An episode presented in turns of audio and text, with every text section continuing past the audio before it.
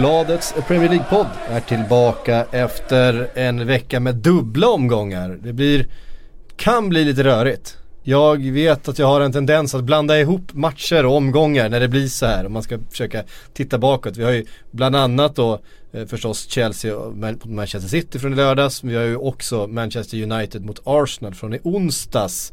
Att på något sätt försöka Eh, ringa in och eh, pressa igenom det här lilla flaskhalsen som vi kallar Sportbladets Premier League-podd. Onsdags, det var länge sedan. det var sjukt länge sedan. Plus att du inte eh. har något eh, körschema heller. Nej, inget körschema heller. Nej, det, det stämmer bra. Vi är ute på djupt vatten. Eh, mycket.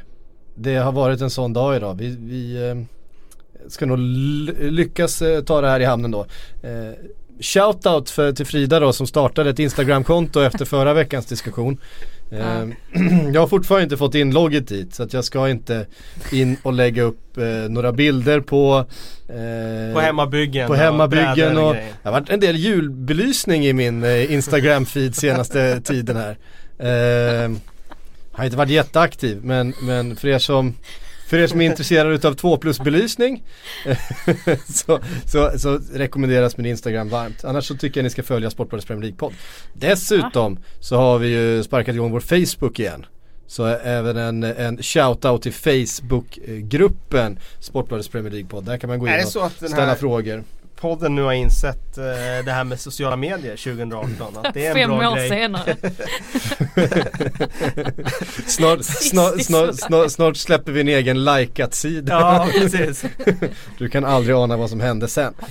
Nej men det var ju roligt där med eh, Instagram-kontot där. Frida, vi följer ju tydligen eh, ett konto. Eh, gissa vem? Ja, jag har sett det här. Ja, ja det, okay. det, är ju Harry Maguire. Ja, det är ju precis. Mm. Eh, den enda som är värd att fylla, vi, vi hade en idé. Faktiskt, jag tyckte det var kul eh, att vi följer honom och ingen annan. Men jag hade en idé om man skulle få välja en vardera som man skulle följa. Och då mm. föreslog jag åt dig då Steve Sidwell. Ja, så jag kollade upp om han hade Instagram och mycket riktigt han hade Instagram. Ja men det är mycket bra. Den, ja. eh... Eller vill du ha någon annan? Nej, alltså Steve Sidwell blir alldeles utmärkt. Ja. Mm. ja. absolut. Jag ska fundera till nästa vecka vem jag vill följa. Ruben. Ruben Loftus-Cheek. Kalle höll inte med om att det var hans gubbe. Nej, det var, jag har nog några som äh, står lite högre i kurs än, än Ruben faktiskt. Men äh, jag ska fundera till nästa vecka. Hade Sarri haft Instagram så hade jag nog tagit honom. Ja, han känns inte så Instagram eh, nej, inte kompatibel. Så, nej, inte så mycket Instagram på honom. Nej. Um, som sagt en massa matcher, du, och på tal om Instagram, eh, vi kan väl börja med att ta det då. Raheem Sterling som eh, bet ifrån i, i helgen. Eh, med den äran får man säga. Var väl efter Eh, var det efter eh, Manchester City-Chelsea-matchen och framförallt i relation då till den här unge eh, Manchester City-spelaren som jag inte kommer ihåg vad han heter nu. Det är en av eh, talangerna i akademin där. Någon som, inte, som har gjort något eh, framträdande jag har honom här. Han heter så mycket som... Eh, ah, jag kan inte hitta det. Någonstans är det. Eh, skitsamma. Där eh, Daily Mail helt enkelt. Han har köpt ett hus till sin mamma. Och Daily Mail vinklar det väldigt konstigt på att här är en spelare som inte ens har spelat en minut och nu ska han köpa. Återigen väldigt likt, alltså så som Raheem Sterling har behandlats många gånger i engelsk press. Eh, med en viss här, rasistisk underton eh, kring att eh, de, eh, de svarta spelarna får en annan rapportering kring sig än de, de, de vita spelarna och sådär. Den diskussionen har ju funnits länge och kring Raheem Sterling har det blivit väldigt uppenbart. Det har gjorts en del eh, sammanställningar kring hur rubriker, eh, framförallt då i Daily Mail och The Sun de tidningarna, hur, hur, de har formulerats kring de här spelarna och Raheem Sterling tog bladet från munnen i helgen och skrev ett långt Instagram-inlägg eh, där han helt enkelt eh, e-, egentligen bara säger att alla spelare borde få samma chans, alla spelare borde eh, granskas och betraktas på samma sätt och det är ju verkligen inget, inget kontroversiellt i det. Eh, men det har blivit mycket uppmärksamhet kring det. Och, och, och det här med att en spelare faktiskt eh, säger ifrån och tar ställning. Eh, vi har ju efterlyst det i, i, många sammanhang. Nu i andra länder än eh, i Sverige så är det ju vanligare skulle jag vilja påstå ändå. Eh, med det här än att ehm, men det var bra gjort av Raheem Sterling och, och ha fått en hel del effekter faktiskt i, borta i England. Ja det har blivit en riktigt stor diskussion i England och eh,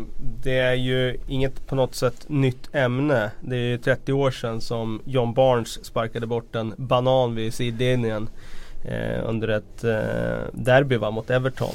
Var det inte det? Mm, det kan nog stämma ja. Eh, och de har ju haft det här kick it, kick it, Out. Alltså den organisationen som har jobbat med, liksom, mot rasism inom fotbollen. Men eh, det känns ändå som att det här Sterling-inlägget gav någon slags uppvaknande tror jag. I alla fall för de engelska medierna. För de har ju någonstans varit eh, säga, ganska förskonade från kritik i det här. Och de har ju liksom inte kunnat se sin del i det hela. Utan det har mer varit att ja, det är rasistiska glåpord från läktarna och så vidare som har lyfts fram tidigare. Men eh, det är ju uppenbart om man eh, liksom har följt eh, Sterling nu då som är i det här fallet eh, att engelska eh, tidningar på högerkanten har haft en agenda mot honom. Eh, det går inte på något sätt att eh, liksom få det till något annat utan det är uppenbart att och det har jag ju känt tidigare också. Jag skrev ju faktiskt om det för, för en vecka sedan bara om Raheem Sterling. Mm. Då skrev jag inte om det här just att han eh, kanske så hårt just där med eh, när han köper hus och så. Men jag konstaterade det att om man tittar på hans insatser så har jag inte fått den crediten han förtjänar. Han har inte liksom på något sätt i engelsk eh, press lyfts fram som den superstjärnan han egentligen är. Han är en av världens bästa i sin position. Eh, han är uppe på den nivån. Han var det under förra säsongen men han har ju inte på något sätt lyfts upp som eh, andra engelska spelare. Och sen är jag också... Nej, men jämför med Harry Kane. Ja till liksom. exempel. Nu tycker jag kanske inte han är riktigt så bra som Harry Kane har varit under ett par tre år. Men han är nästan där på den nivån.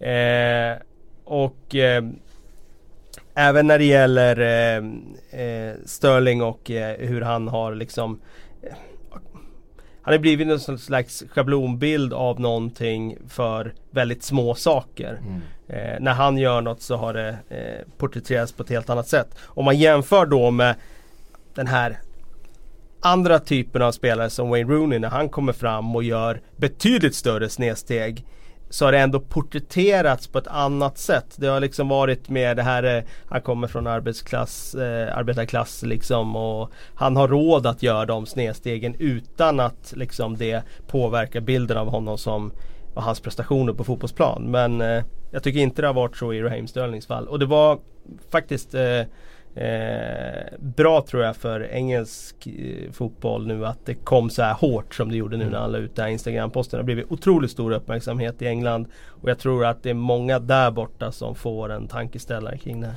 Problemet har väl varit också just det här att han inte är Harry Kane sett till sin personlighet till exempel. Det här med att han redan från början blev lite, alltså dels ett känsligt klubbyte som han gjorde. Mm, men också var han gjorde i sitt privatliv som liksom formade eller skapade den här bilden av en stökig kille som måste jobba tio gånger hårdare än en Harry Kane typ för att faktiskt få credit.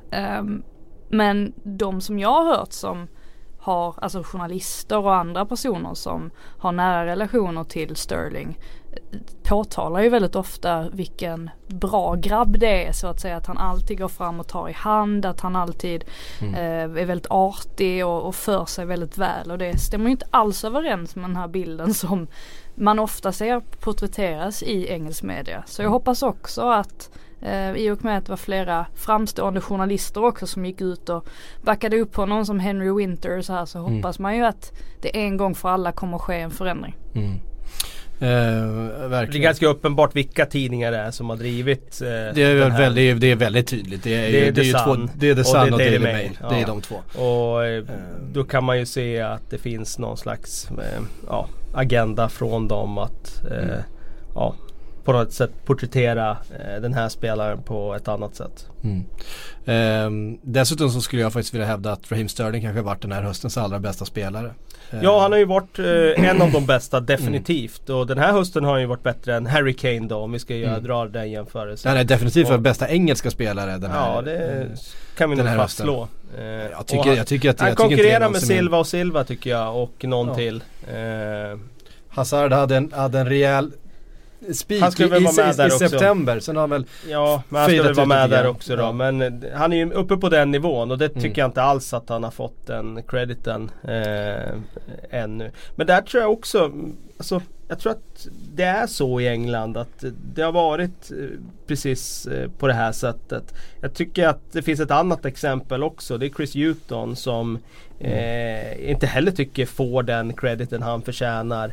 Eh, för det han har gjort med väldigt liksom, begränsade resurser. De ligger liksom i mitten av tabellen. Det är ju en sanslös överprestation. Mm. Att de klarar kontraktet i fjol var en sanslös överprestation.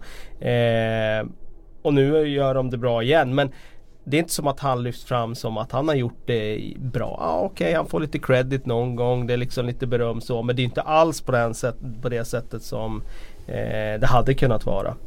Eh, så att jag tror att det finns i fotbolls-England eh, en hel del lärdomar att dra kring det här. Och jag tror faktiskt, jag såg att Stan Collymore gick ut och skrev i The Guardian idag och skrev att Nej, men det kommer inte bli någon förändring för så har det ju alltid varit tidigare och det, det, det händer all, aldrig något liksom. Eh, om en vecka har det här blåst förbi. Men jag tror faktiskt, eh, jag kanske är naiv, men jag tror faktiskt att det här blev så pass stor uppmärksamhet kring det. De enda ägnade över en kvart åt att diskutera det i Monday Night Football igår. Carragher och, och Neville satt, eh, hade en bra snack kring det här.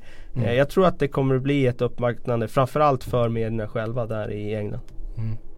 Ja det blir intressant att följa vidare eh, såklart och diskussionen är ju viktig att föra. Fotboll då?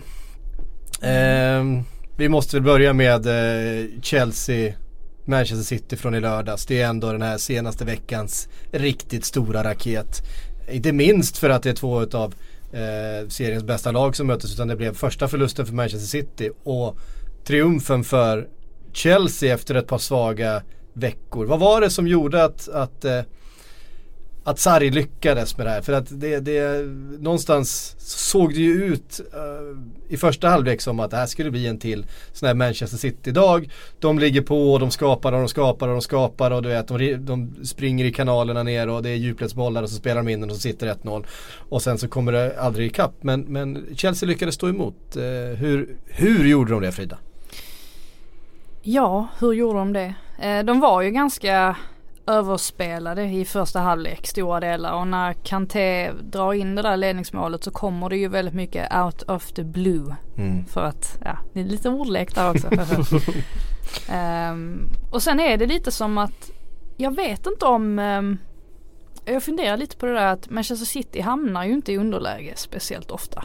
Nej. De har gjort det en gång under säsongen, det var mot Wolves. Ja. 12 minuter har de legat under totalt i, i ja. den här, under den här säsongen. Ja men precis. Eller låg de ens under mot Wolves? De kanske till och med hämtade upp till 1-1. Det kommer jag inte ihåg. Det kan I, vara så att de låg under den fighten. Ja, jag tror att de låg under i några minuter. Ja. ja. vi har ju pratat väldigt mycket om det här att eh, hur mycket det spelar roll att Arsenal eh, nästan aldrig leder i halvtid. Alltså mm. när de går in till pausvila. Jag tror att i Manchester Citys fall blir det lite tvärtom. Att de vet typ inte hur de ska hantera. Om de ligger under och det inte går deras väg. Eh, de har lite svårt att, eh, ja, men svårt att hantera det på något mm. sätt. Och jag tror att det är lite grann det som händer i det här fallet. Eh, men ska man titta i det stora hela så lär väl inte den här förlusten jag tror inte att den kommer påverka Manchester City speciellt negativt resten av säsongen. Jag tror snarare att det kan få dem att inse att vi måste verkligen vara på topp i varenda match. Om vi ska kunna ta den här titeln igen för att Liverpool gör ju det de ska också. Eh, de har betydligt mer konkurrens i år jämfört med vad de hade tidigare år. Mm. Men, eh, nej men jag håller med. Det kanske inte påverkar City så mycket. Däremot tror jag ju faktiskt att det kan påverka de andra lagen i ligan eh, lite grann psykologiskt. Alltså, det är en sak att vinna bara på tur som man kan göra någon gång ibland sådär.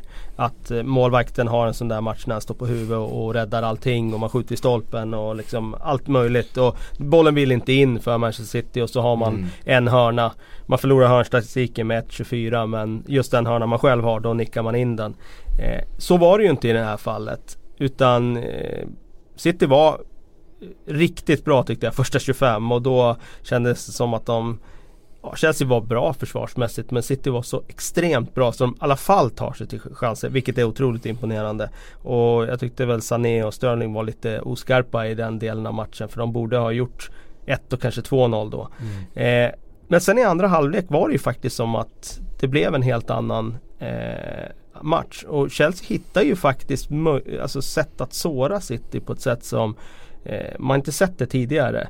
Eh, och det tror jag någonstans ändå, om man tar det 1-0 målet så den bollen som David Luiz slår då ut i bortre kanten, den crossbollen, den tror jag ändå andra lag noterar och tänker att okej, okay, vi måste nog avlasta. Det går inte att spela upp bollen och tro att man ska göra det på, på bollsida för det är för trångt där. Utan det kanske är bara så att vi ska ha en spelare på bortre sida. Vi ska bara slå den bollen ut så och sen det är liksom vägen ur Citys press. Jag tror att det är någonstans bara en sån liten detalj kan göra att de får ändå eh, hopp om att det går att liksom Det går att ta sig ur deras grepp.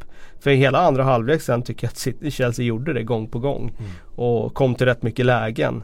Och de var bättre än vad City var i andra halvlek. Visst, City hade bollen och var på offensiv planhalva men Chelsea hade ju fler målchanser. Mm. Och jag tror det kan bli en liten förändrad dynamik i bara att de tror lite mer. Att de eh, Mycket i fotboll är ju psykologi. Det handlar, mm. Tror man inte på det då, då blir det svårt. Men bara av att lag framöver vet att ja, det var möjligt att, att, slå de här och faktiskt också vara bättre än vad City var i en halvlek. Det tror jag kan ge en, en viss effekt. Eh, men det säger jag också utifrån att eh, ja, jag, jag, såg det framför mig den här matchen. Eh, jag gick in och spelade på Chelsea faktiskt för att det bara kändes som att vinden blåste åt det hållet. Ingen De Bruyne, ingen Agüero och sen kom den där skadan dessutom på David Silva eh, som haltade av nu med, jag tror det var lite känning i baksidan. Det känns som att kanske är så att eh, de går in i en tuff julperiod nu i alla fall. Mm. Tror inte att Guardiola var speciellt nöjd med Sanés försvarsarbete där vid eh, 1-0 målet heller. Eh, det där är sagt en sån grej som han kan störa sig på något Men enormt. sen är det ju så här också, det är ju en Sané som knappt har behövt ta en fot defensivt på hela säsongen. Det där att vara mentalt förberedd eh, är ju så oerhört viktigt. Precis som du säger Frida, alltså de är inte vana vid den här situationen. Jag tror också att eh, som tränare så måste du försöka förbereda dina spelare mentalt på alla situationer. Men det är klart, befinner du dig inte i en situation som Manchester City de har legat i underläge 12 minuter totalt under mm, hela säsongen. Det är väldigt svårt att förbereda dem på den här situationen att nu måste vi jaga, nu kanske vi måste, vi måste förändra någonting i vårt spel. Shit, nu är det någonting som inte stämmer att vi måste skruva på någonting. Alltså har du inte den, har du inte tränat på det i skarpt läge man säger, jämfört med Arsenal som gör det varenda vecka. Eh, då, då, kan det vara svårt också för, för spelarna att, att, eh, att tända till och att, att eh, vara alerta och uppmärksamma på, på dem. för jag är helt säker på att Pep började skruva på olika detaljer och försöka förändra spelet och sådär som han gör. Eh, och det har han ju liksom inte behövt göra på hela säsongen egentligen. Utan de har ju kört sitt spel och haft sin plan och sen så har de vunnit med 4-0 i, hela vägen och det har varit, matchen har varit färdigspelad vid, vid 67 minuter. Men, men, jag tror inte heller att, eh, alltså, eh, hade de mött ett annat lag legat under med 1-0 i paus så hade de förmodligen vänt det. Det var inte vilket lag som helst nu. Det var Chelsea på Stamford Bridge. En av de absolut svåraste eh, uppgifterna man kan ha i Premier League. Ett Chelsea som dessutom den här matchen var extremt taggat. Alltså extremt disciplinerat. Om man kollar på Aspikueta i den här matchen så han var ju så eh, Alltså han var så extremt koncentrerad på att jag ska stänga bort Sané i den här mm. matchen. Och det gjorde han ju. Det var en eh, häftig duell Ja det var en emellan. häftig duell. Ja. Och sen fick han Sterling emot sig. Han stängde bort honom på ett bra sätt också. Mm. Eh, så att jag tror det var kombinationen också. Att de mötte Chelsea borta. Eh, och de körde, de sprang de rakt. De Chelsea in, hemma. Ja, City mötte ju ja. Chelsea borta ja, ja, och eh, de sprang rakt in i muren i andra halvlek. De kom ingenstans. Och, eh, ibland är det sådana dagar men eh, jag tror inte det påverkar City så mycket. Däremot tror jag att andra lag får upp ett litet hopp av den här mm. Sen tror jag återigen att det kan vara en liten fördel då att City får den här smällen så här pass tidigt. För att det kändes som att förra säsongen så kom ju den smällen ganska sent ändå på säsongen. Och det var som att, ja mm. precis och sen så var det ju ja men Champions League-uttag där mot Liverpool återigen. Men det var också riktiga bottennapp. Alltså det är ju där man hittar Manchester Citys bottennapp från förra säsongen. Det var mm. ju kring den perioden. Och då var ligan färdigspelad egentligen. Den var ju avgjord Ja. I det läget. För att de måste ju inse att ska de gå långt i Champions League, de är ju en av storfavoriterna och ta hem hela turneringen. Då kan man inte göra den typen av misstag och då måste man lära sig att hantera den typen av situationer. Som när man ligger under med 0-1 i, i paus. Mm. Så att jag tror någonstans att de säkert, det kan säkert komma någonting gott ur det här i slutändan för deras del. Samtidigt så Chelsea, jag menar Sarri har ju motbevisat, ja men det var inte så länge sedan vi satt och ifrågasatte David Luiz och, och han har fått väldigt mycket kritik för att han spelar Kanté fel roll. Ja men hör, kolla här liksom. Det, mm. det fungerar ju. Eh, eller det kan fungera. Mm. Eh, uppenbarligen. Ja alltså Sarri är ju ingen obegåvad fotbollstänkare så att eh, han har säkert en plan. Han har nog en vision för hur det här ska, hur det här ska fungera ganska bra i slutändan. Det är jag övertygad om. Ja och sen, jag menar visst Chelseas spel har inte varit formidabelt de senaste veckorna. Det har väl varit en kurva som har pekat lite neråt men det får man nog köpa också med tanke på att det är väldigt mycket som ska byggas om. Och om det bara hade suttit allt på plats direkt och eh, de startade ju säsongen extremt bra. Om det bara hade fortsatt uppåt så hade det varit overkligt ska jag säga. Mm. Så att eh, de kommer inte vinna ligan Chelsea. Det har jag slagit fast i ett tidigt skede och det, det står jag för. Mm. Men eh, de kommer att spela väldigt bra fotboll och jag tror att han kan bygga eh, någonting som är intressant inför fortsättningen. Deras problem, det tycker jag mer handlar om vad som sker utanför planen med Roman Abramovic och mm. den oklara ägarsituationen som råder där. Mm. Måste bara en shout till Eden Hazard för vid 1-0 målet. Då har han alltså inte haft bollen på, ja men typ en kvart. Han har sprungit och sprungit och varit där uppe och rört sig som falsk nia då. Så en gång rättvänd i straffområdet. De är ju fyra pers som står rättvända mellan honom och någon farlig yta. En liten jävla, alltså den där kroppsfinterna gör, den, den går så fort. Och sen har han den lilla millimetern och så, och så rullar han bollen på foten på Kanté. Det, det pratas mycket om Kantés mål, alltså, jag tycker den, den framspelningen utav Hazard, att han gör det mesta utav det läget verkligen. Det är otroligt imponerande. Alltså det, ja. där, där visar han ju det där det där lilla extra som han har och som nästan ingen, det är han och liksom nästan bara Messi i världen som har just den där förmågan att Alltså han göra någonting ur precis ingenting känns det som. jag menar, det, det, är klart att det är farligt, han är rättvänd i straffområdet. Men de är ju där, alla är ju på plats. Det är fyra pers mellan honom och, och närmsta läge och, och målvakten är med och allting. Och ändå så hittar han den här bollen. Det var oerhört imponerande tycker jag. Mm. Um, vi uh, rör oss, uh, vi, kan väl, vi kan väl sammanfatta då eh, Manchester Uniteds eh, resa den här senaste veckan. Började med Arsenal hemma, eh, följde upp det med en eh, storseger eh, mot, vilka var det nu? Fulham. Mot mm. Fulham ja, precis. Vi hade lite eh, farhågor inför eh, United Arsenal, att Arsenal skulle komma dit med sitt momentum och med sin fina form och, och känslan i truppen efter segern i North London Derby och, och, kanske till och med spela hem den här matchen ganska enkelt eh, på Old Trafford.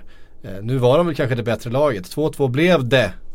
Men det var inte någon vidare det var inte någon vidare kvalitet på fotbollsmatchen. Nej, det var ju två dåliga lag i andra halvlek tycker jag. Eh, det var ju eh, väldigt mycket misstag. Och jag tror att det handlade om att eh, Manchester United var så otroligt nervöst i det läget. De hade inte liksom råd att förlora en match till och så hemmaplan också och Arsenal. Så när de kommer i den där situationen i, Ingen Pogba, ingen Lukaku Nej och det tycker jag väl var eh, ja, Det var intressant men det var absolut ingen felaktig laguttagning utan Skulle United spela så som de gjorde i den här matchen, det vill säga springa väldigt mycket, försöka pressa Arsenal Ja men det var ju rimligt att välja de spelarna han gjorde. Det går ju inte att, att spela på det sättet om man har Pogba på mittfältet för han kommer ju inte följa med i det pressspelet. Inte på det sätt som United spelar idag. Och det är också, tycker jag, är viktigt att poängtera. Pogba är ju en fantastisk spelare, den bästa spelaren de har i truppen. När solen skiner eller laget går bra och de leder med 2-0, då är han ju liksom den överlägset bästa spelaren i laget. Men där de är just nu, är det en Paul Pogba de behöver? Han är ju ingen som står när det blåser. Han är ju ingen som gör liksom det här laget bättre idag. Så jag tycker det var, det var en rimlig laguttagning och eh, jag tycker att han eh, fick rätt, Mourinho, när man såg eh, den inställningen som de gick in i matchen med. Och eh, de hade kunnat vunnit. Arsenal hade kunnat vunnit. Eh, men eh, jag tycker inte laguttagningen var någonting. Utan snarare att han fick vatten på sin kvarn. Mm. För det var ju en Pogba som satt på bänken i nästa match också. Och eh, det kan nog vara så att han, att han hamnar utanför nu för att eh, eh, Jag tror att Mourinho resonerar så. Det enda sättet att gräva sig upp från den det djupa diket de befann, befinner sig i. Det är att ha spelare som verkligen vill och är beredda att jobba hårt för det. Och det var ju sådana spelare han har mm. satsat på nu de här matcherna och de springer betydligt mer. Jag har inte sett några siffror på löpmeter men jag kan sätta hus och hem på att de har sprungit fler löpmeter mot Arsenal och mot Fulham än vad de har gjort tidigare under säsongen. Mm. Som sagt från Arsenal då ändå med, vi, med viss Eh, visst självförtroende ur den matchen. Man, eh, det var ju, var ju inga vackra mål direkt. Vilka, vilka, vilka snubbelmål och, och, ja. och självmål och ja, det var, det var märkligt. Och sen de Gea. Som Tvålar en boll där. Ja verkligen, de har inte sett honom göra. Jag, jag vet att jag sa vid något tillfälle att de Gea, men han har ju faktiskt inte varit så bra den här hösten. Han lever lite på gamla meriter hos mig också. Han har eh, faktiskt inte... Han har ju varit bra. Sen du sa det tror jag han har varit jäkligt bra faktiskt. Och sen nu gjorde han det här misstaget. Ja. Så ah, man får ju köpa att världens bästa målvakt också ibland kan göra något misstag. Men det är klart. Eh, det hjälper ju inte Mourinho där han är när det sker gör det misstaget och sen gör Rojo det här helt huvudlösa misstaget mm. till 2-2. Samtidigt så, jag menar jag, jag, såg att Mourinho gjorde någon grej av det där efter matchen om att eh, det var misstag och vi borde ha vunnit och sådär. Men mm. jag tror inte Arsenal är helt nöjda med sitt agerande på varken på första målet som United gjorde Martial där på frisparksreturen när de eh, inte ens två eller trea på den bollen ner. Eh, efter att eh, Leno har räddat den. Och jag tror inte att de är helt nöjda med Kolasinac agerande vid, vid 2-2 målet heller där han bara bjussar Lingard på den. Mm. Ja, Kolasinac har ju fått väldigt mycket beröm eh, på sistone. Men det har ju främst varit för hans offensiva spel. Vilket inte är så konstigt med tanke på att när de har spelat med wingback så är det ju inte märkligt att han kommer fram i en offensiv position. Det verkar nästan som att vissa har blivit överraskade och tyckte att oj vad fantastiskt bra av honom att komma där. Jo men det är ju det han ska göra som wingback så att det är ju inte så märkligt. Däremot tycker jag att han har brustit eh, defensivt. Um, så att um, nej det är mm, men jag tänkte lite på det här, bara en instickare om Pogba. För man undrar ju lite var, alltså vad som kommer att hända med honom. För uppenbarligen räcker det ju inte för honom att ha Matic bredvid sig. Eh, för om man tittar på i hans förflutna, alltså de gångerna han har varit som allra bäst, då har han ju haft en spelare som, ja men Pirlo eller Arturo Vidal eller, ja om man ser på eh, landslaget också så har han ju Matuidi och Kanté bredvid sig. Och då är han ju otroligt bra. Men det är precis som du säger att så fort han ska ta lite ansvar, så fort, att han, så fort han måste bära laget så, så klarar han inte av det. Det är som att han är innerst inne är lite, lite av en tonåring fortfarande i sitt sätt att bete sig. Så jag undrar lite grann, alltså antingen så får man ju värva in en till spelare, alltså en eh, Torreira typ eller någon liknande. Alla behöver en Torreira typ ja, känner jag. eller så får man ju sälja Pogba. Ja, och då ligger det väl närmast till hans att sälja Pogba. Det är ju en väldigt intressant klubbpolitisk fråga det här nu, vem som väger tyngst. Så det kommer ju säkert berätta en hel del också om hur de tänker i styrelserummet kring tränarfrågan. För om Mourinho vinner den här prestige... Jag ser det som en liten prestigeklamp mellan Mourinho och marknadsavdelningen. Marknadsavdelningen vill ju inte sälja Pogba för han kommer ju såklart sälja massa tröjor och han kommer dra in massa liksom, intresse till klubben. Men Mourinho, i hans bok så är ju Pogba är ju garanterat att han är rökt i Mourinhos bok. Mm. Eh, för alla kan ju alla kan ju konstatera att han är den bästa fotbollsspelaren Manchester United har. Utespelaren. Mm. Eh, och han sitter nu på bänken. Mm. liksom spelar noll minuter i senaste matchen. Alltså, det är klart att Mourinho har, han har ju gjort sitt val. Han, han kommer inte mm. spela mer än nödvändigt fram till januarifönstret om han får bestämma och då ska han säljas. Om Mourinho skulle bestämma. Mm. Men vi får se vem som bestämmer i klubben. Kom du, på tal om det, vi kan vi passa på att tipsa om det och imorgon så drar Sillypodden igång igen. Ehm, eh, där kommer vi prata mer Pogba.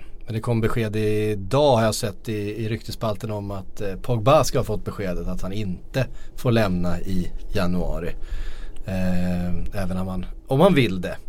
Eh, men om ni skulle ja. hitta en klubb för, för Pogba, vart skulle han passa? Vil, vilken klubb mår... Nej men jag kan se Real Madrid liksom. Mm. Eh, de vill ju ha Galacticos. Mm. Och han fyller, han tickar alla de boxarna. Och sen om man kommer att spela fantastisk fotboll där, det vet jag inte. Men den är lite mer förlåtande den miljön i La Liga.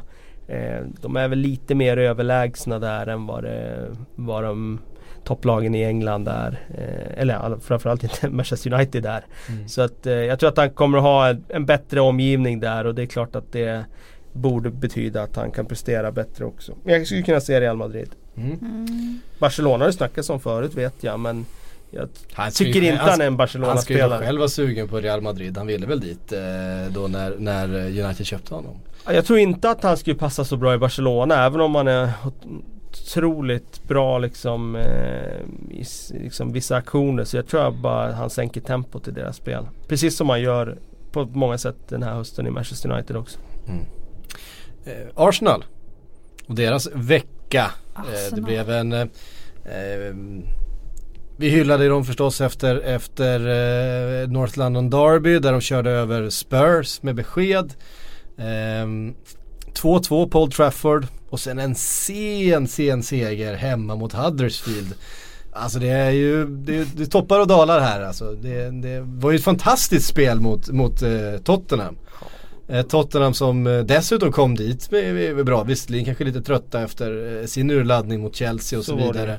Men eh, så här, ganska svag insats mot Manchester United även om de kanske var det bättre laget och sen så dröjde det hela vägen till 87 minuten innan Torreira igen. Cyklar in också. Cyklar in en, eh, en boll. Det är liksom, vad är det för spelare de har köpt här egentligen? Är det en defensiv mittfältare eller är det bara ett, ett jävla fotbollsgeni?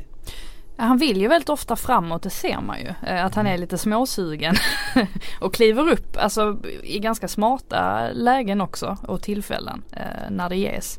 Eh, jag såg inte den här matchen. Jag var vilse i Paris. Så jag mm. hade inte Var du där och deltog i de här kravallerna där? Eller? Ja men det var jag som hade en sån här gul väst om ni har sett det i ja, nyheterna.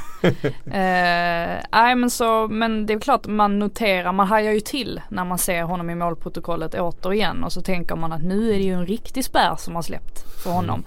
Och jag kan inte, just nu kan jag inte säga annat än att han kommer att bli en Arsenal-legendar så småningom. För att det är ju den diskussionen som förs i sociala medier bland Arsenal-fans och det här är ju verkligen en spelare som de redan älskar och som de redan kan tänka sig att bygga statyer av. Jaha. Så att jag ser eh, början på en, eh, på en väldigt lång och trevlig sejour för hans del i Arsenal. Mm. Och han är ju ung, jag menar han, han kan ju spela i 12 år till i Arsenal. Ja, eh, nej det är det är ingen tvekan om att de har liksom fått dels en bra fotbollsspelare men sen också har fått en aura som han ger med sin liksom never say die attityd och sin eh, det är bara, inte riktigt det de varit kända för de nej, och sen den, Sen den här hårdheten, ja. killen är ju två äpplen hög men han är hårdare än någon annan spelare på det där mittfältet. Och han liksom kastar sig in i dueller som det inte finns någon morgondag och det är liksom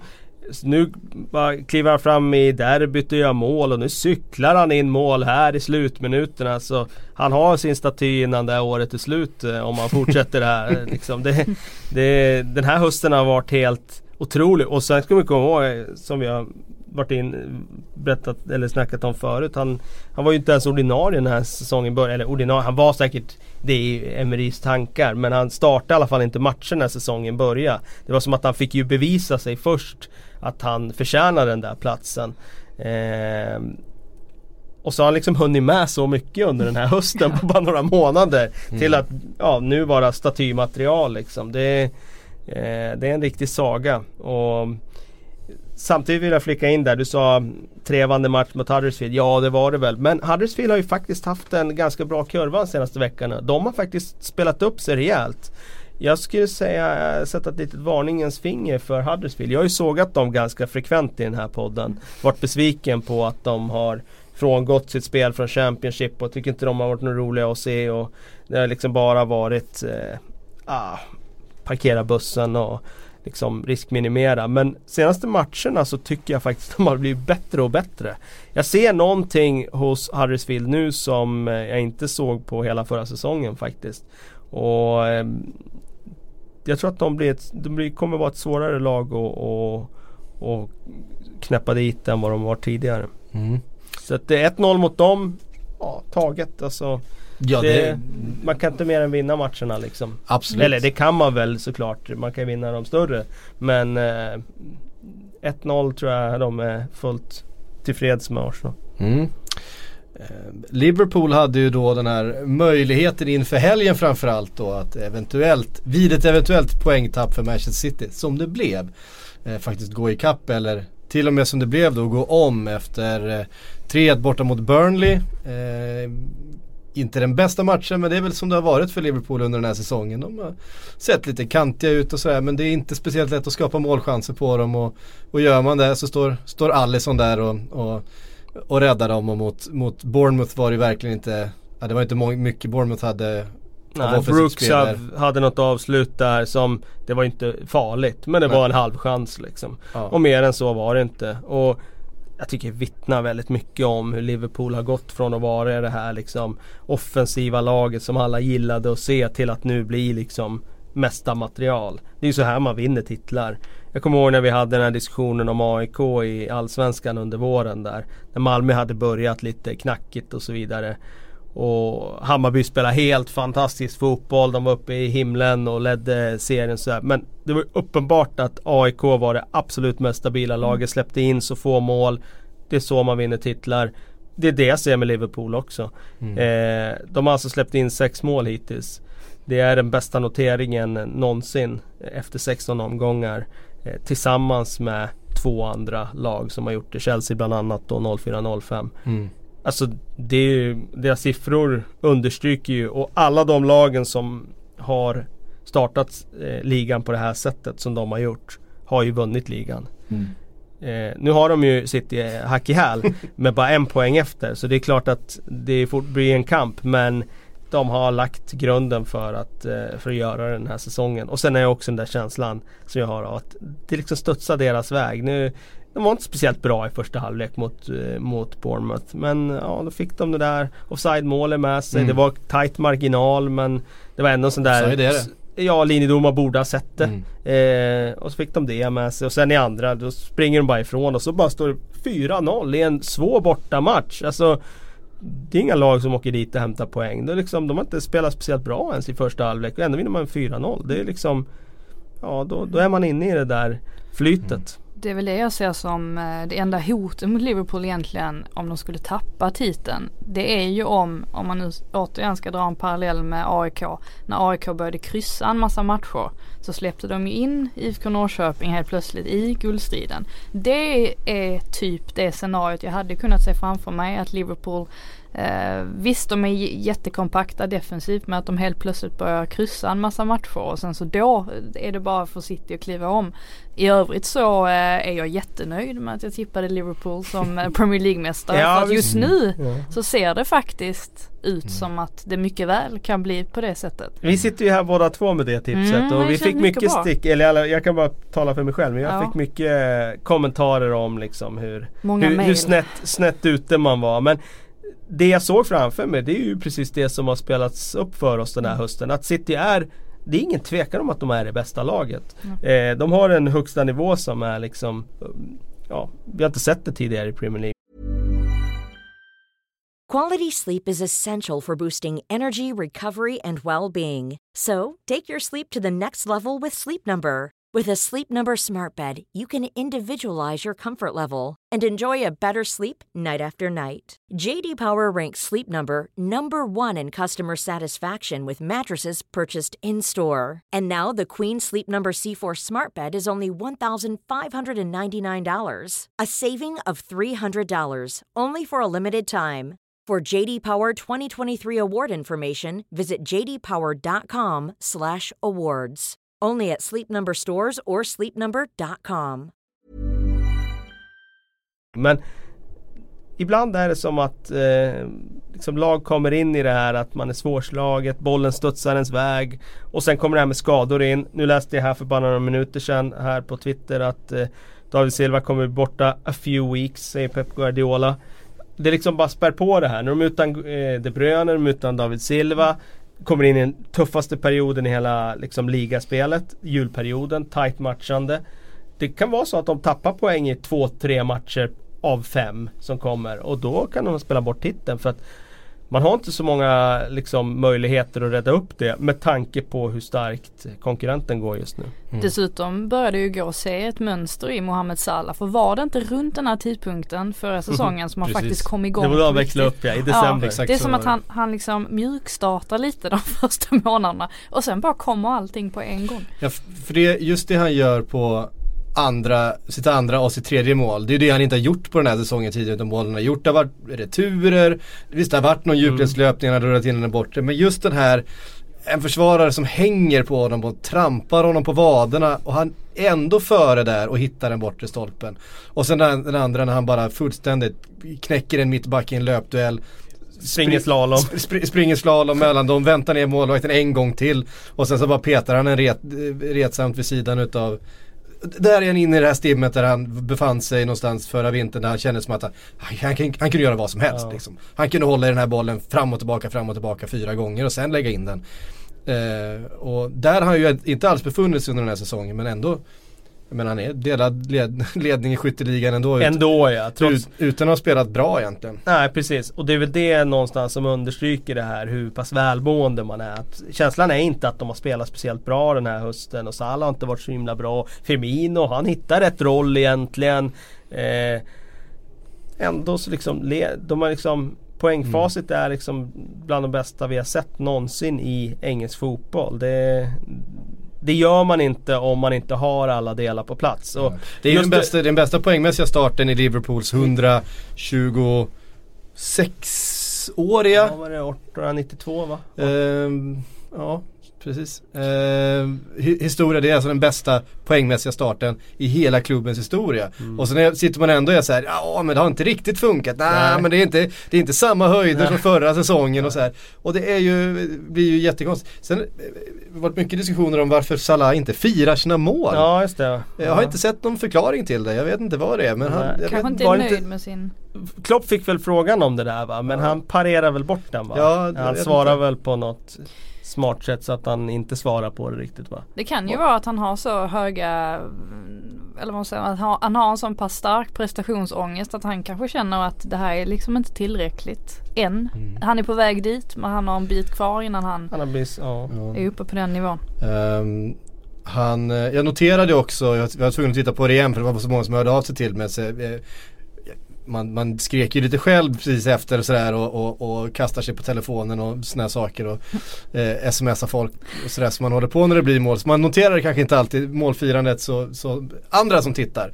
Eh, så jag var tvungen att titta på det igen och det jag la märke till är att även lagkamraterna, det är liksom ingen som hoppar upp på axlarna på honom eller springer fram utan alla är det som springer fram och ger dem en klapp på axeln. Ja. Alltså folk, de, de, medspelarna vet. Det är någonting som är lite sådär, han är inte helt, det, ja, han har i alla fall, de har känt av vibbarna liksom att det inte liksom Vi ska inte bilda hockeypucks hög här liksom. Mm, det kanske kommer så småningom. Uh, Hockeypuck, vad heter det? TV-pucks. TV-pucks hög. Nej men jag måste bara nu när det är så här jultider och man ska visa tacksamhet mot allt och mm. alla och sådär. Så jag är så oerhört tacksam över den här Premier League hösten. För det känns som att det är så mycket som har hänt och vi har åtminstone två lag som slåss om titeln och det är Arsenal som eh, har hittat sin nya grej och Sarri i Chelsea och det är så mycket och det är så mycket att hämta av det här. Ja, och dessutom, det... och det är inklusive matchen igår mellan Everton och Watford liksom. Det trodde man inte skulle leverera heller men det känns som att det har varit väldigt mycket positiva aspekter med den här hösten. Och betydligt fler än vad det var för ett år sedan. Ja precis, då var ju ligan avgjord redan mm. vid den här tiden. Så jag håller med dig om att man eh, eh, Jämfört med i fjol så har vi bjudits på betydligt eh, mer underhållning den här säsongen. I form av dramatik och ovisshet. Och tycker också att det kommit upp några intressanta lag med Wolves. Fulham är ju också intressanta även om de inte är bra så är de i alla fall intressanta att följa. Mm. Så det har ju blivit injektioner i form av nykomlingar som bidrar också. Mm. Eh, så jag håller med. Vi måste ju prata lite om Everton Watford. Mm, ja vi, vi, vi ska prata om Everton Watford också. Det var, jag tyckte det var två väldigt bra matcher de två senaste dagarna. Jag tyckte vi skulle gå igenom eh, Tottenhams vecka också då. Eh, efter den här tunga förlusten eh, borta mot Arsenal. Vi har ju sett våra, våra kollegor här och Tottenham-supportrarna eh, hur de har blivit påverkade av det här resultatet den senaste veckan. Det har varit, ja, jag har inte sett det. Men du får gärna berätta. Eh, det har varit, det har varit lite mörkt. Ja, det, har, det har varit lite så. Mm.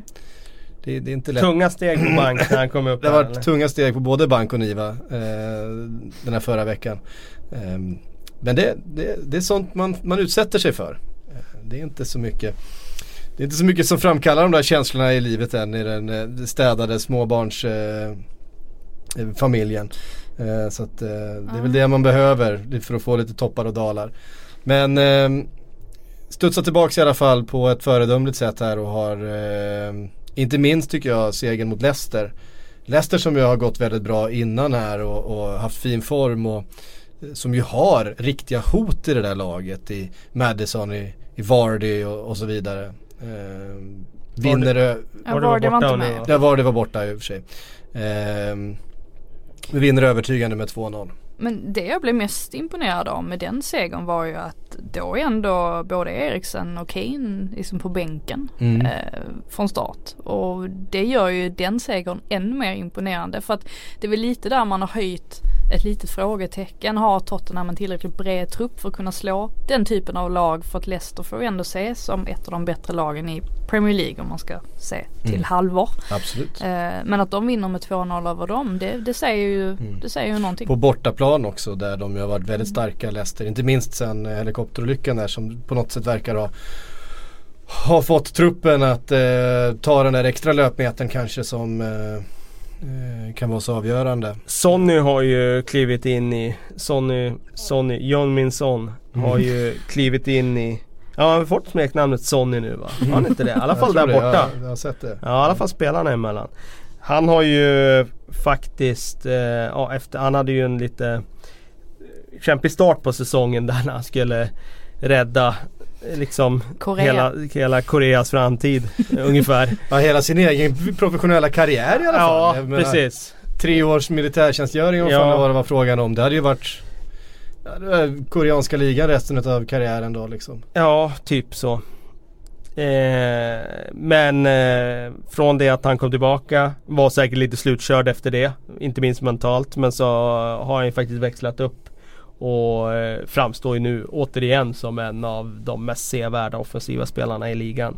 Alltså jag tycker det är så jäkla kul att se honom spela fotboll. Mm. För det är hela tiden fart och det är eh, 110% eh, inställning.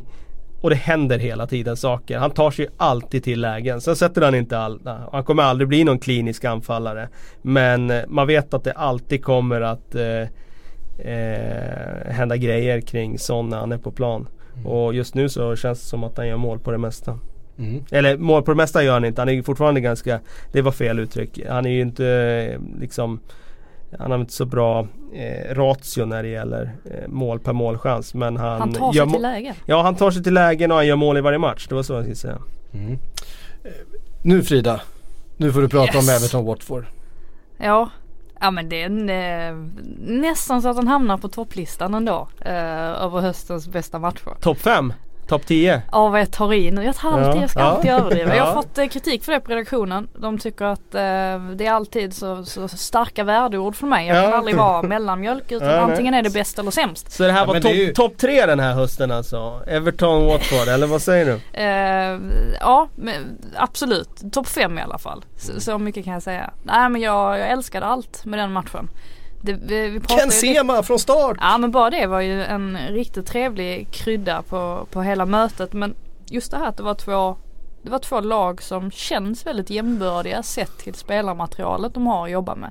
Och det var väl också därför det blev en så pass kul match att se. För att det böljade ju fram och tillbaka och första halvlek var ju Leicester snäppet bättre. Everton. Eh, Everton, ursäkta. Jag tänkte blått. Så var ju Ever- Everton snäppet bättre och ledde ju helt rättvist. Men så lyckas man tappa det. Offside mål dock. Ja, det var det. Eh, å andra sidan så det hängde ju liksom i luften det där målet redan innan.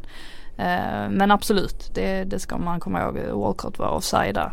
Men sen så i andra halvlek så bara lyckas Everton på något sätt bara tappa allt det här inom loppet av ett fåtal minuter när Watford eldar på. Och sen så trots Trots det och trots att Sigurdsson uppenbarligen ska sluta slå straffar för att han kan ju inte sätta dem längre. Så lyckas, lyckas Lukas Dign eh, sätta kvitteringen där till 2-2 med bara sekunder kvar. Ja, Det var en match som den innehöll allt. Eh. Tycker det är intressant det där du sa med just det där att um, två lag som på förhand kändes ungefär lika bra. Ligan har ju verkligen blivit uppdelad så. Det är ju inte eh, om man- Topp 6, det är alltid intressanta matcher, ja. Men bakom där, det är sällan man känner att det är två lag som möts som, som är på ungefär samma nivå. Mm. Det är ju jättestor skillnad på Everton jämfört med Southampton. Det känns inte som att det var det för 7-8 år sedan utan då var det, det kunde alltid bli intressanta matcher. Nu om ja, men Everton möter något av de där lagen där nere då vet man ju Everton är så mycket bättre. Eh, eller om Låt oss säga Leicester gör det också, det är samma sak där. Mm. Eh, det är också stor skillnad mellan dem och Southampton och Newcastle och de där lagen. Eh, så jag håller med dig om när man ser sådär liksom Everton, Watford på förhand då känner man lite där att det här blir en intressant match. Mm. Det här är ju två lag som faktiskt skulle kunna gå liksom stångas mot varandra och det kan bli liksom ganska jämnt och så. Och det, ja, det levde ju uppenbarligen upp till dina förväntningar. Kanske till och med överträffade. mm. Tyckte eh, Pereira var väldigt bra igen. Ehm, Ja, var han det? både ja jag noterade i första halvlek där att han försökte köra en peta sticka på Seamus Ja. Coleman. Det ska man inte göra. För Nej. det, det går inte att han, springa fick, förbi han, fick sin, Coleman. han fick sin revansch på Coleman när han satte den i stolpen och Coleman smalbenade rakt in i eget mål. Ja det är väl Det lite man- klantigt av Coleman alltså. Jag tycker han måste kunna få undan fötterna Ja, jag faktiskt. tycker också det. Det man kan konstatera är ju att, man, eh, är ju att eh, Javi Gracia gjorde helt rätt som lät honom vara kvar på planen i andra halvlek. För han hade mycket väl kunnat byta ut honom för jag tyckte han var så pass Ja, Du tyckte det? Jag, ja han var så pass andra halvlek som jag, som jag minns framförallt. Jag tror att jag tittade Men väl på första ju- med ett, ett öga kanske Mm, bara. Där är han ju involverad i båda målen. Eh, Absolut. och är ju med och gör den här förändringen. Jag tyckte lite synd om Ken Seman då som jag tycker ändå gör en rätt bra första halvlek. Mm. Alltså man kunde inte Absolut. märka av att han är en kille som spelade i Allsvenskan för ett par månader sedan. Det, det tyckte jag inte märktes. Men däremot så sker det ju en förändring när han kliver av och de tar in Delufeu bland annat. Eh, det är ju då de liksom vänder hela matchbilden till sin fördel. Ja, men det blir väldigt tydligt så här att, att Kansema var bra men Diolofeu var bättre. Mm. eh, på den positionen. Kansema fick ju spela centralt. Eh, liksom bakom. eh, Ja Ja, fast jo, inte i första halvlek gjorde i han alla inte fall. riktigt. Nej, nej. Han Men det är ju för att de spelar, de spelar ju typ Typ diamant. Alltså två Mm. forwards och sen fyra ganska centrala spelare. Men Sema tycker jag i den här matchen ändå, han var ju ändå på högerkanten i första Mm. halvlek i alla fall. Och eh, Nej men alltså Och klev inåt Ja precis, gång inåt istället liksom. Men eh, Så jag, jag tycker att han är så bra Sema så att han, Mm. alltså jag blir inte förvånad om han gör avtryck i en Premier League match så. Eh, sen sa ju du att Ding var bra igen. Mm. Och det glädjer ju mig eftersom jag har sagt att hans, eh, liksom, ja, hans aktier är på väg att stärkas rejält här. Det var ju nästan lite roligt när Luckman kommer in och eh, sa det att tyckte han gjorde en fullständigt bedrövlig insats. Eh, mm. Och till slut var det ju verkligen så att han, han började ju med att lägga någon hörna. Man kunde inte ens få den förbi första ytan liksom. Så att till slut var det som att Dinny bara sa nej undan nu, nu ska jag ta hörnorna. Han tog hörnorna från båda hållen. Samma sak vid frisparken var många som var framme där. Richarlison var väldigt sugen, sugen på den. Men det var liksom som att nej, flytta på dig nu liksom. Den här, mm. den här ska in. Jag noterade verkligen det. Det var långa diskussioner där innan Ding fick den frisparken. Mm. Det var ja. mycket liksom sådär ja, pinka in revir liksom. Mm. Men eh, det var som att eh, eh Ding hade bestämt sig. Den här är min. Riktigt fin fot. Ja det får man säga. Mm. Man, måste ändå, man måste ändå känna, alla lag som möter Watford när de ställer upp med Dini och Isaac Success där framme i tvåmannaanfall. Det är ganska många kilon att, ja, att ta hand om fysik. alltså. Fy fan. Um, Sen måste jag säga alltså Watford och Cabasele alltså. Vad är det för tomte alltså?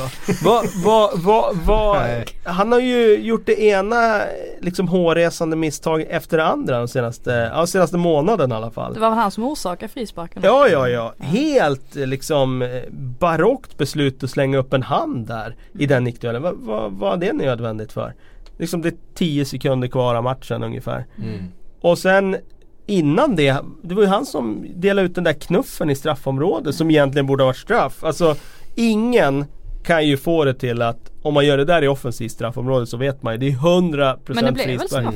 Det var ju den Ja det var det som blev straff. Jo mm. precis. Ja, men, men, han måste ju ändå tänka så här. Ja men varför? Ja. Det är ju klart det blir straff om, om du liksom bara knuffar någon i ryggen. Som... Ja, han var så himla varenda han hade ju en del duster där med Richarlison också. Och det kändes som att varenda gång som Richarlison fick någonting med sig. Han är ju, han har ju ja, benägenhet att slänga sig och förstärka. Men jag, jag, tyckte att han, Cabasela, han hade sån eh, sån onödig inställning till varenda domslut. Alltså det, det, funkar liksom inte om du ska få domaren på din sida så funkar det inte att reagera på det sättet varenda Nej, gång du får någonting emot dig. Det är samma sak vid strafftillfället. Alltså han förstår inte alls varför han får straff emot sig. Ja men reagera inte så. Jätteknuff i ryggen. Jag kollade upp den här Kabasele för jag tänkte var hittar de honom någonstans? men de hittar honom alltså i Genk.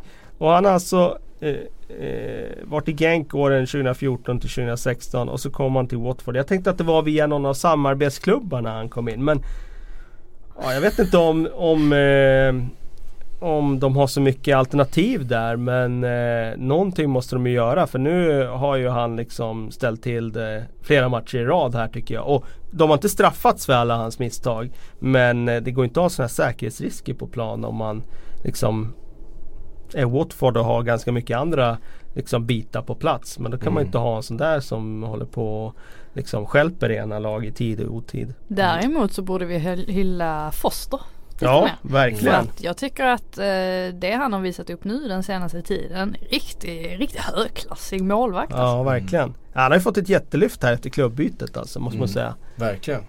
Ah, Pontus Dahlberg har lite kvar innan han kan peta honom. Ja, det, hans räddning är väl att Foster börjar bli till åren. Han är väl 83 Foster om jag inte minns helt fel. Och, Gud så gammalt. Eh, ja, 83 ja, född den 3 april 83 va. Eh, så det innebär ju att han sjunger väl på, ja, inte sista men näst sista eh, versen här i alla fall. Mm.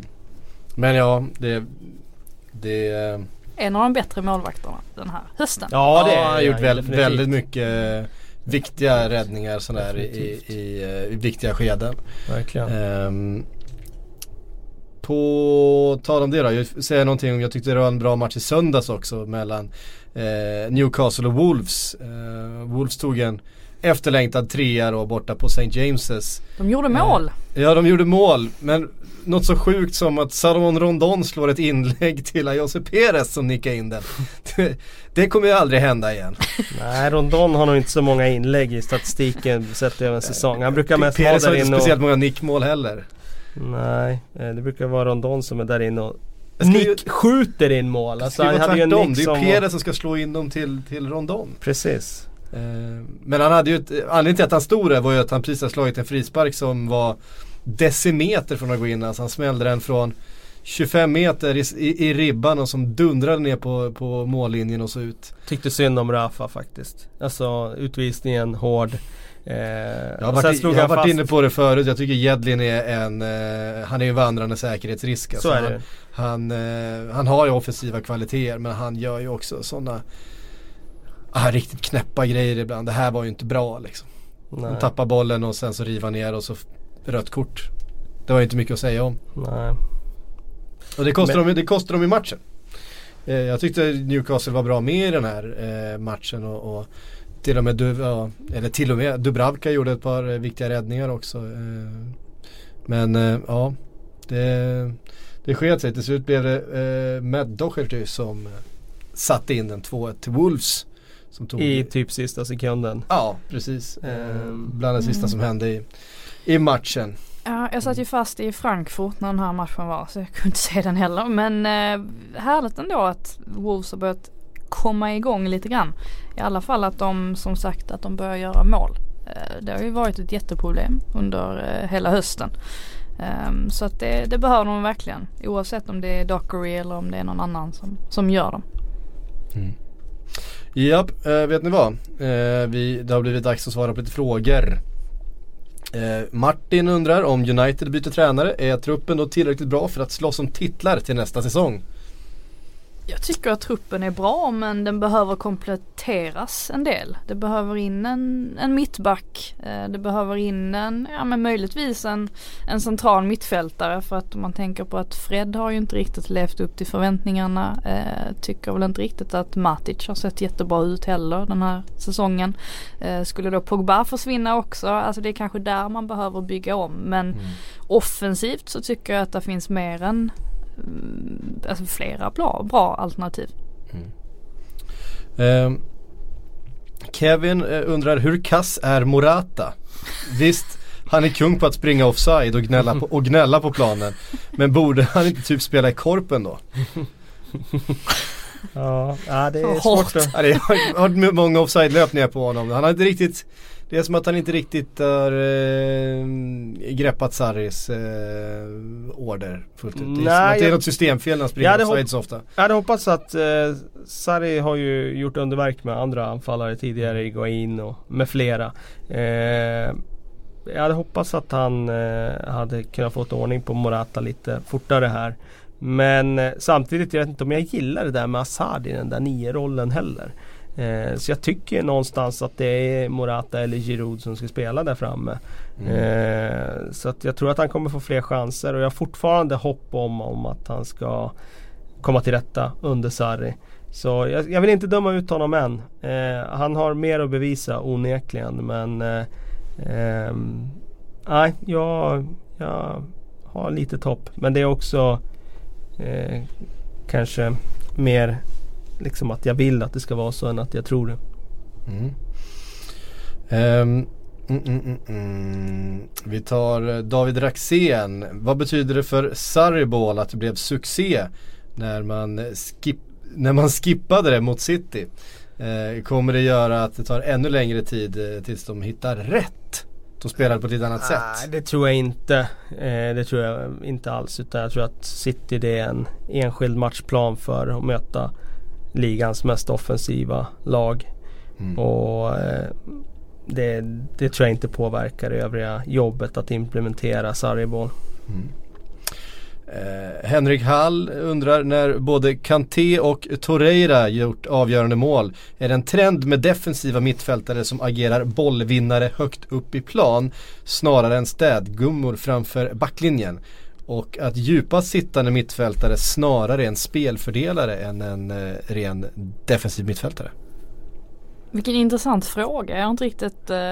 Är det en trend? Ja, är det, nästa, men, är det nästa men trend? Är, men ja, men den är ju Det är inte en trend nu, det tycker jag inte. Utan eh, man kunde ju se att rollen som defensiv mittfältare förändrades för tio år sedan när Pill och Michael Carrick blev liksom den här eh, mer djupt sittande spelfördelaren snarare än man skulle ha en destroyer som Makelele mm. där. Makelele var ju liksom den första prototypen på en defensiv mittfältare men han blev lite begränsad i spelet med boll. Och sen förändrades det, utvecklades lite, blev lite mer Pirlo-aktigt. Eh, idag tror jag att eh, faktiskt att det har gått så långt så att ska det vara den eh, moderna defensiva mittfälten så ska du både kunna vinna bollen och fördela den. Och är du Sergio Busquets då så du har båda de delarna, ja då kommer du nog anses vara den bästa eller eh, en av de absolut bästa i den positionen. Där tycker jag ju Kanté blir begränsad när det kommer en ny tränare som Sarri. Om han ska spela i den rollen nu som defensiv mittfältare då, då räcker han inte till i uppbyggnadsspelet. Eh, han kommer vinna jättemycket bollar men han har inte båda delarna. Så det blir intressant att se den utvecklingen framöver. Jag tror att eh, fotbollen kommer försöka producera spelare som kan både och i den rollen. Eh, däremot så är det ju uppenbart att när man får Får en sån tränare som Sarri så måste han ju flytta på Kanté för att han tycker ju inte att han Han eh, eh, Passar i den rollen och då kanske det framtvingar ett annat typ av spel. Att ja, men då jobbar vi mer med pressspel istället för vi har världens bästa bollvinnare i, i en roll som är lite högre upp i plan. Då kan vi vinna bollen istället. Som man gjorde här mot Fulham för en vecka sedan. Vann bollen högt. Spelade fram till Pedro när han gjorde mål. Mm. Men eh, jag tycker inte det är någon trend nu. Jag tror det var lite mer slump där med att Torreira har glidit upp och gjort två mål här. Uh, vi kanske inte ska förvänta oss att han gör 10. Nej det skulle jag inte förvänta mig. Um, Thomas Nygren skriver James Milner gjorde match nummer 500 Ge honom några hyllningsminuter Vi har ju hyllat, vi, vi, vi, har ju hyllat James Milner mer än någon annan spelare den här hösten ja. uh, Och det, det är han ju förtjänt av såklart Men jag tänkte i alla fall att jag skulle quizza er Vilka fler spelare är det som har gjort 500 matcher i Premier League? Alan Shearer Ka, Kan ni ta 10 stycken? Ryan Giggs Ryan Giggs Gar ehm, Men Shearer måste väl ha gjort? Uh, Gareth Barry? No, jag tror inte Shearer är en utav Gareth Barry? Gareth Barry? Uh, Nej det är mål. Nej, flest matcher. Mål, ja, ja, han, han har gjort flest mål. Flest mål i Premier League har han gjort. 260 om jag inte minns fel. Mm. Och Thierry Henry är tvåa vill jag minnas. Väl? Ja det stämmer nog ja. ja. Eh, ja, det var en annan diskussion. Mm. Flest matcher ja, vi. Vilka, vilka som gjort Paul 500 eller fler? tar jag har gjort 500. Han har inte gjort 500 matcher. I, han har gjort 500 ligamatcher. Hur många var det då? Totalt? Eh, jag tror det är 16 stycken som har gjort det. Oj! Och Paul Scholes har inte gjort det? Och Paul Scholes är inte en av dem. Hur många okay. gjorde Rooney? Rooney har inte gjort 500 heller. Nej, det måste ju vara någon som Jättegammal. Ja men som har spelat till liksom länge och Scholes etablerar sig för sent tror jag för det. Det är det som ja. är hans problem. Precis. Man måste, alltså man ska komma ihåg att James Miller har spelat A-lagsfotboll sedan han var 16 ja, och är och så 30, varit ordinarie, varit ordinarie nästan hela tiden. Förutom och, City kanske då, ja, hela tiden. Och är 30, 32 nu va? Han är 86 ja, ja, precis. Så att man ska ha spelat i eh, stort sett Och så får man inte ha varit skadedrabbad för mycket. Ja, man ska, man ska ha varit ordinarie i typ 14 år. Ja. Alltså, förstår, ni förstår inte hur hårt jag tänker just nu. Det Ja, vi kan slänga in en sån som uh, Rio Ferdinand. Ah, okay. Jaha, det tänkte jag inte. Men Scholes har inte kommit upp dit. Men Scholes har inte gjort det. det. Uh, Jamie Carragher. Ja, det är klart. Uh, Steven Gerrard. Uh, Frank Lampard. Ja, det är klart. John Terry. Uh, inte Terry faktiskt. Inte Terry. Um, men däremot Gary Speed. Ja. Um, ja. Såklart. En målvakt. En mål. David James. Nej. Inte. Jo förresten, David, det var två målvakter. David, David James var också med på listan. Okay. Men sen är det den evige Mark, Mark Schwarzer. Mark ja jag tänkte det. Ja jag tänkte att det var han. uh, ja, jag hade listan framför mig för en liten stund sedan. Det var någon ytterligare ja. mer där som jag inte minns nu. Men uh, så är det. Det är inte så, det är inte så lätt, det, som sagt det är få förunnat att komma upp i så mycket. Och det känns som att James Milner har en del kvar att ge. Ja det har han ju. De flesta utav de här stannade ju precis strax ja. efter 500. Eh, gjorde inte så mycket. Men det är ju också för att han debuterade så oerhört tidigt. Eh, mm. han, eh, han debuterade ju samtidigt som Wayne Rooney. De är väl lika gamla. 86 är båda två. Eh, de tog väl rekorden. Emil, nu fick jag fram listan här. Ja, Emil Heskey. Just det, Heskey också. Ja, det var bara 13 var det. Okay. Sol Campbell. Såklart. Och Phil Neville. Mm, precis. Phil, han träffade jag i lördags. Stort! Alltså. Mm. Stort. Mm. Han är ju förbundskapten för Englands Damerna, ja. damlandslag. Han fick väl det jobbet under vissa tveksamma premisser, var det inte så? Jo det Lite var en kompis. herrans massa Svågerpolitik. Ja, fast det var väl inte riktigt så egentligen Ah, faktiskt. Eh, han har fått lite oförtjänt mycket Ah, skit okej. där. Eh, det var helt enkelt inte så många att välja bland. Nej. Som var tillräckligt kompetenta. Nej, Okej. så är det. Vet ni vad? Det var allt vi hann den här veckan. Och nu, måste jag, eh, ja, ja, nu har du bråttom Frida. ja jättebra. Vi ska ha julfest ikväll. Mm. Mm. Frida, nu är klockan alltså 14.43. Frida är superstressad. Ja, vi ska ju ta några öl innan och grejer. Det är mycket man ska hinna med här på väldigt kort tid. Ja. Ja, Ja, tack för att ni har lyssnat. Tack Kalle, tack Frida för att ni kom hit. Eh, Premier League-podden är tillbaks om en vecka igen. Imorgon är det Sillypodden. Yes! Vi hörs då.